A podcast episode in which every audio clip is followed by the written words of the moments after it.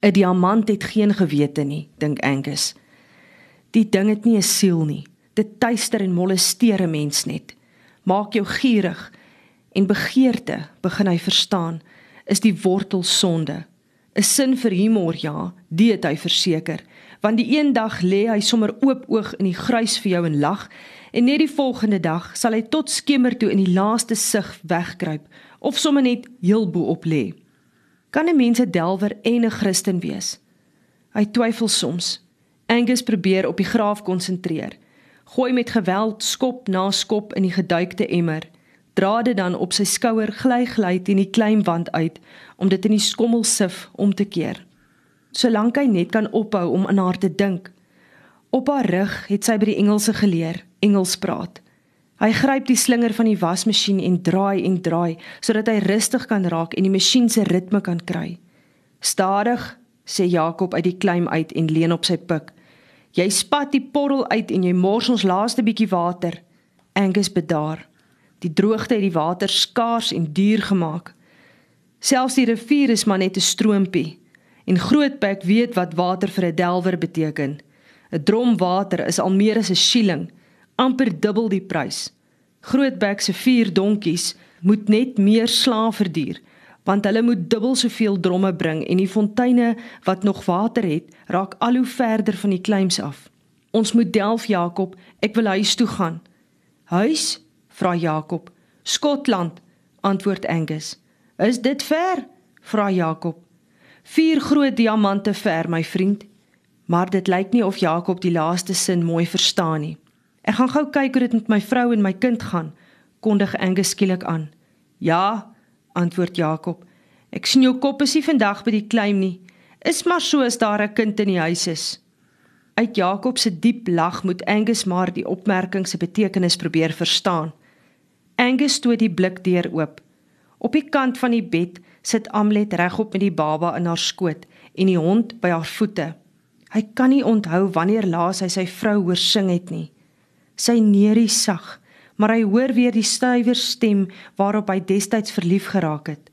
Slaap sy? vra hy en loop op sy tone asof sy skoene op die grondvloertjie die baba sal kan wakker maak. Hy kom langs hulle by die bed staan. "Stroop soet," antwoord Amlet en trek die grys kombers van die gesiggie af weg. "Hoe mooi is sy nie, Angus. Ek kan nog nie besluit of sy meer na my mense of na jou oorlede moeder lyk nie." Een ding weet ek, sy's 'n regte klein skot, blou oë. Ek dink nie ek het al haar oë oop gesien nie, spot Angus. Sy slaap dan net altyd. Soetste kind, antwoord Amlet. Kla net as sy honger is. As dit nie vir Mita se bors was nie, weet ek nie, sê Angus. As dit nie vir haar was nie, het ons nie kos vir ons kind gehad nie. Amlet trek die kombers terug oor die koppie en druk die kind teen haar bors vas. Jakob en Mita is goeie mense, sê Angus.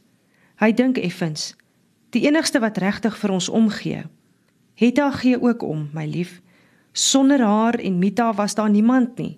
Die duisels en Stini Losper wil niks van ons weet nie. Byna onhoorbaar, mymer sy. Ons is delwers. En ons praat Engels, voeg Angus by. En jy was nie eers in die oorlog nie. Ons was self teen die oorlog gekant. Angus glimlag skeeweg. 'n Delwer is vir die boere erg genoeg. 'n Engelse delwer is vir die boere nog erger. Was die losper weduwee toe tuis? Verander Amlet die onderwerp. Sy was. Het jy melk by haar gekoop? Nee. Angus draai weg en loop deur toe. Ons het nie melk nie, Angus. Ek het nog geld oorgehou. Ek kan by Duisel gaan melk haal. Hulle verkoop ook melk. Jy moet net kontant betaal. Hulle gee niks op skuld nie. Vertrou ons nie. Jy het toe darm iets vir die diamant gekry? vra sy. Genoeg. Ek sal die nodigste by die smouse gaan kry. Angus steek sy hand in sy broeksak en haal twee munte uit. Ek is nou skatryk, spot hy. Maar ons het water nodig. Ek sal 2 of 3 dromme moet kry. Sonder water delf 'n mens nie diamante nie en dit het lanklaas gereën. Ons het water vir die huis ook nodig sê Amlet. En vuur maak hout. Ek sal bring, beloof Angus en loop by die deur uit. Hy bly 'n oomblik buite staan, maak sy oë toe, maar toe hy dit weer oopmaak, is hy steeds voor sy delwershuisie en sy klim is 'n paar tree van hom af. Verder lê die klomp uitgeholde klim so seerplekke, onordelik tot ver ander kant die koper se kantoortjies. Hy verbeel hom dalk, maar dit wil tog vir hom lyk of daar meer verlate klims is as vroeër. As hy die geld gehad het, was dit anders. Hy maak weer sy oë vir 'n oomblik toe. Ek sal haar terugneem Skotland toe vir Amlet en ons dogtertjie. Cathy moet ook die golwende groen van Skotland leer ken. Beloof hy die dorheid om hom. Hy sal delf totdat hy genoeg diamante het, al moet hy dan in die dooie kleims ook gaan soek. Hy loop doelgerig op sy kleim af, tel die skopgraaf op, klim in die gat en skep driftig die een skop vol grys na die ander. "Wat sê die weduwee?" vra Jakob en slaan pik in die grys in. "Sy praat nie," antwoord Angus sonder om op te kyk. Sy is moeilikheid. Hy keer 'n graaf grys in die emmer om. Dit moet swaar wees, sê Jakob. Swaar? vra Angus. Sy's gebreklik gebore, steen Jakob toe hy die pik in die grond indryf. Klink vir my die weduwee is daarop uit om seer te maak. Angus hoop Jakob kan sy sin verstaan. Dit lyk so, want Jakob se antwoord laat hom, soos baie van Jakob se woorde, skamerig stil bly. Mense wat seer gekry het, maak ander mense makliker seer, sê Jakob. Lig die pik bokant sy skouer en slaan dit met 'n dowwe slag in die droë grys vas. Ek hoor jy het 'n diamant verkoop. Nie Angus of Jakob het die man hoor aankom nie. Hy staan net langs die pan, rooi van die stof en spatsels porrel, opsigtelik daar laas geskeur.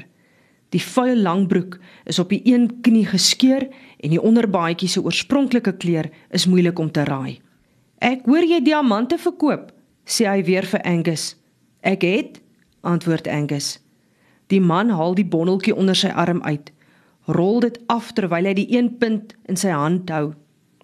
'n Skoon bruin broek en 'n swart onderbaadjie, nie te oud nie. "Ek het dit probeer verkoop," sê die man moedeloos. Niemand het die geld nie. Hoekom verkoop jy jou klere? vra Angus. Hier is nie meer diamante in ons claims nie. Ek hoor daar's 'n nuwe delwery verder Wes geproklaameer. Die boer se seentjie het glo 'n blink klippie by 'n maatjie vir 'n gebraaide mielie geruil. Hulle sê dis 'n ryk veld. Ek moet soontoe gaan. Ek besit niks meer nie. Alles verkoop behalwe die broek en baadjie. Asseblief, smeek hy. Ek het nie geld om klere te koop nie. Ons het water en hout nou bitter nodig en kos vir ons baba. Ek kan nie verder nie, sê die delwer en vrommel die broek en baadjie op. Ek kan nie teruggaan plaas toe sonder iets nie. Ek het 'n vrou en 3 kinders. Die trane spring in die man se oë. Angus wil wegkyk, aangaan met sy werk sonder om verder iets te sê. Die man in die pad langs die klim snuif. Dan loop ek maar, sê hy, maar hy bly tog staan. Sny weer. Hoeveel vra jy vir die klere? vra Angus. Ons kort water, waarsku Jakob. Nie klere nie. Net 'n shilling of so. Ek smeek jou. Ek wil net tot op die nuwe delwery kom en ek bring die geld terug as ek iets daar uithaal.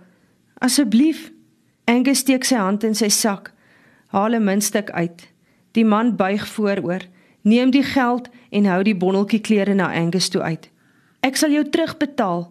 Ek beloof. Hou die klere, is al wat Angus sê. Toe sien man weg. En ons water?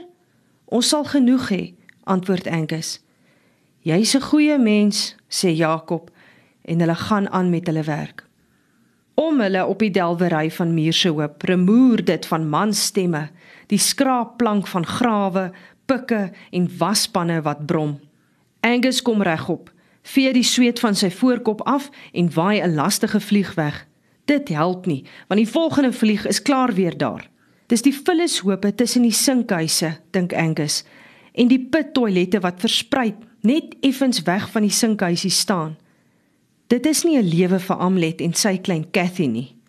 En hy buig, skep graaf na graaf in die emmer dra dit uit sif toe. Dit is toe hy 'n drom omkeer dat hy besef dit is die laaste emmer water. Hulle sal weer 'n drom of 3 by Grootbek moet koop wanneer hy later tussen die kleims deur sy donkies ongenadig dryf. Hy en Jakob staan laatmiddag langs mekaar toe Angus die laaste sif op die gelykte omkeer en die sif van die hoopie grys lig. Hy voel hoe sy hart ruk. Hy hoor hoe Jakob oorkant hom sy asem diep intrek. Sy oë bly star op die twee diamante wat in die middel op die grys lê. Hy bly verstom na die twee blinkes in die grys staar sonder om te beweeg. En dit is eers toe Jakob praat dat hy weer beweging in sy lam lyf voel. Baie karat hoor hy Jakob langs hom sê. Skoon sonder 'n gles. Skotland kom al hoe nader, dink Angus. Sy oë soek deur die grys en hy streel sy vingers deur die hoop. In die grys kry hy nog 'n kleintjie wat hy sal kan verkoop vir water, vuurmakhout en kos. Hierdie klein is nog nie leeg nie. En as Cathy net eers 'n jaar oud is, kan hulle regmaak vir huis toe gaan. Hulle sit hulle gereedskap versigtig in 'n klein neer en stryk huis toe. Die dag was lank en die dag was goed vir hulle.